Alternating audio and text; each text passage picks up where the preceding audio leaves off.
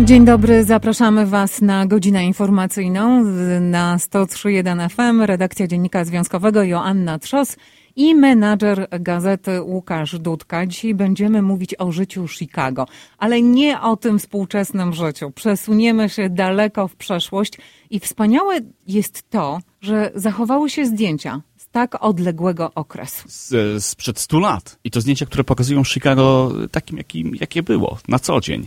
A mamy w studio wyjątkowych y, gości, pani Julita Siegel i pani Barbara Koszychowska z Muzeum Polskiego w Ameryce. Dzień dobry. Dzień dobry.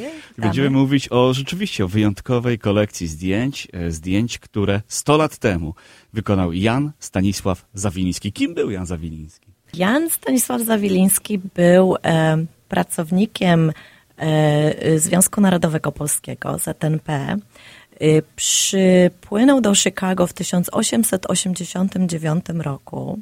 Urodził się w 1873, więc miał 16 lat, e, przybywając tutaj do Ameryki, do Stanów Zjednoczonych. Osiadł w Chicago właśnie w okolicy polskiego trójkąta, w okolicy Milwaukee Division i Ashland, nieopodal muzeum. E, zamieszkał przy ulicy Cleaver e, w okolicy Kościoła Świętej Trójcy, w którym był e, aktywnym działaczem, w okolicy Parku Płaskiego.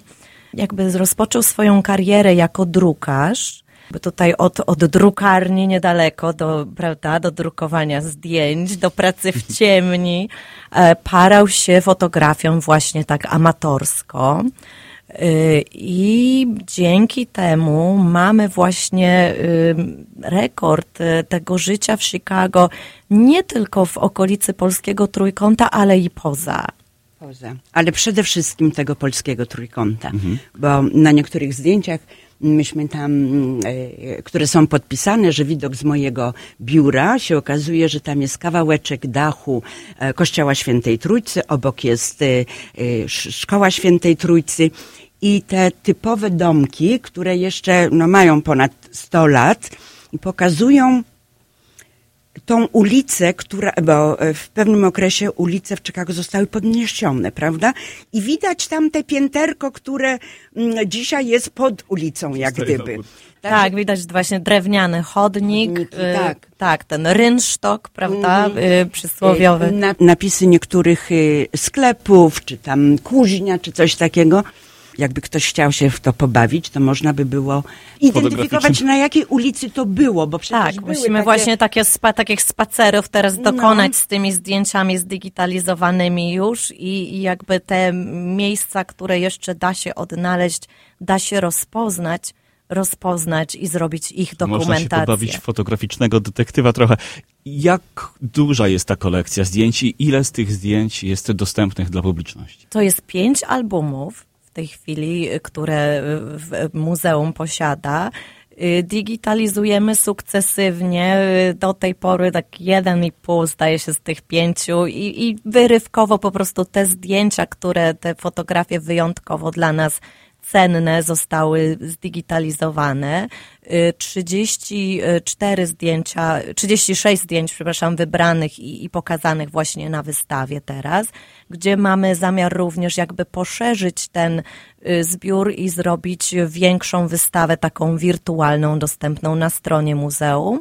E, wiele z nich, tych zdigitalizowanych, można zobaczyć już wejść na stronę muzeum, wejść na zakładkę Collections Online i wpisać Zawiliński i oglądać je sobie w internecie muszę zadać dodatkowe pytanie. Wspomniała Pani o pięciu e, albumach i z tymi albumami wiąże się tajemnica swego rodzaju. Tak, staramy się tutaj rozgryźć taką zagadkę, dlaczego prawie każda strona albumu jest przedarta. Jest przedarta z premedytacją, dlatego że y, papier fotograficzny y, nie jest tak łatwy do, y, do podarcia, więc ktoś tutaj zadał sobie ogromny trud I, I frapuje nas to właśnie dlaczego. I to, nie, I to nie jest to, że na przykład pani y, zdenerwowała się, gniewa się na swojego partnera, więc chce jego oderwać.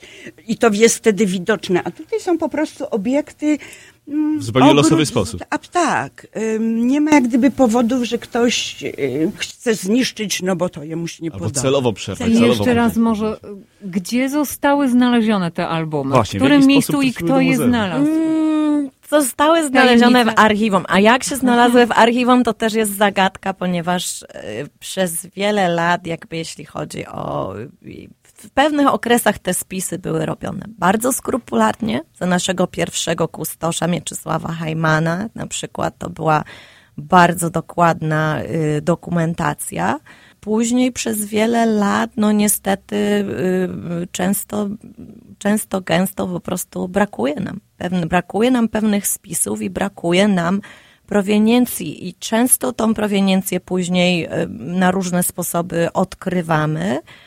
Natomiast no jest to właśnie, są to jakby takie brakujące, brakujące elementy puzli, które w dalszym ciągu jakby tutaj staramy się dociekać. O samym Zawilińskim niestety wiemy niewiele i staramy się odkrywać, y, odkrywamy coraz więcej. Na przykład tutaj zaglądając do y, spisów y, miejskich, do rekordów, census, cens, census records, odkryliśmy informację taką, że żona Zawilińskiego, e, małżeństwo zostało zawarte w 1912 roku. Ona przypłynęła do Ameryki w 1910. Jej trzy córeczki, była wdową, jej trzy córeczki przypłynęły do Ameryki e, w 1912, właśnie i krótko później e, zostało zawarte małżeństwo. Więc jakby już wiemy, że te trzy dziewczynki, które on fotografował, wi- widać z tych zdjęć jakby taką bliską, y, ciepłą, wspaniałą relację ojca i córek były adoptowane. Y, w- Na wielu zdjęciach widzimy je w parku, jak trzymają właśnie te aparaty skrzynkowe, Brownie, Kodaka, y, czy Rolleiflex, y, czy jakby dziewczynka, córeczka y, śpiąca, czy bawiąca się z kotkiem, z lalkami. Y, No, są to takie chwytające za serce, bardzo artystyczne, piękne kompozycje, bo mimo tego, że Zawiliński był fotografem, amatorem, to niewątpliwie tą wrażliwość artystyczną y, na kompozycję, na światło y, miał naprawdę wysublimowaną i dlatego też jakby te zdjęcia na wielu poziomach są takie wartościowe. Raz, że pokazują ulice, zaułki, które no nie wiedzielibyśmy jak wyglądały, gdyby nie on. Miał taką fascynację, jakby uchwycenie chwili, uchwycenie na przykład tego wypadku z wozem, z koniem, z ziarnem na skrzyżowaniu, na którym, na, dokładnie w miejscu, w którym stanął budynek Zjednoczenia Zjednoczenia. Polskiego Rzymskokatolickiego, organizacji, która założyła muzeum i, i w której siedzibie do dziś muzeum się znajduje. I tak na tylko na marginesie jest to najstarsza e, nasza polska organizacja bratniej pomocy, która w tym roku obchodzi 150 lat. Tak, A więc gratulujemy jest- jubileuszu y, PRCUA. Znaczy, to- to jest bardzo ciekawa rzecz do obejrzenia. No, wypadek drogowy sprzed 100 lat, w którym uczestniczyła furmanka. Tak, która tak, dodatek wiozła tak, zboże tak. i to zboże znalazło Ale się na ulicy. co najważniejsze, co pokazuje też e, ta ekspozycja, z tego co pani opowiadają, także dokumentacja życia nas, Polaków. Ponoć mówi się, nie wiem, w naszych em, jakby e, zbiorach z tego, co się zachowało, em, się tym pierwszym osadnikiem w polskiej dzielnicy był y, Smagorzewski Sherman Antoni, który przybył w 1800, osiadł w 1850 roku w, Proszę. w polskim Śródmieściu. Dlatego warto zaglądać do Muzeum Polskiego w Ameryce.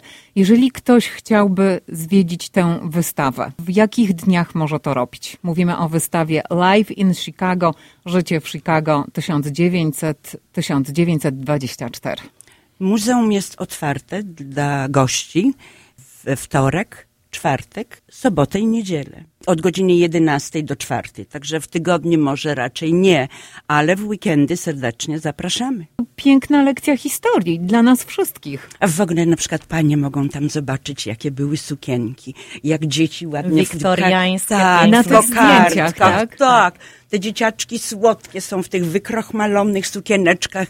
E, W ogóle e, one są naprawdę e, bardzo ciepłe, bardzo takie miłe. Co jest szczególnie fascynujące, to jest to, życie codzienne. Tak. Bo było wielu fotografów, było wiele studiów fotograficznych e, w, ok w okolicy muzeum.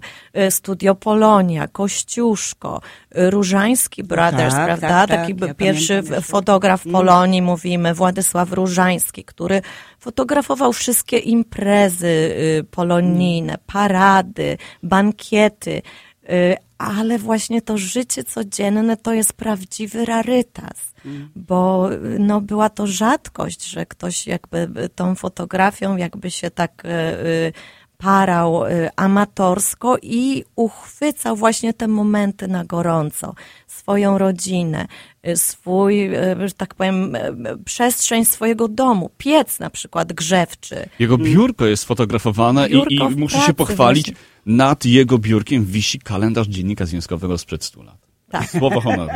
To nie jest ukryta Nie. reklama, naprawdę tak, Tak jest. jest. Naprawdę, Naprawdę, jest. tak, tak. Ja mam jeszcze jedno pytanie o Zawilińskim, bo wspomniała Pani, że stosunkowo niewiele y, o nim wiemy, ale na przykład znamy szczegóły dotyczące jego śmierci. To też jest bardzo ciekawa historia. Tak, jest. E, Zawiliński chorował na serce i zmarł dosyć wcześniej i była to śmierć nagła.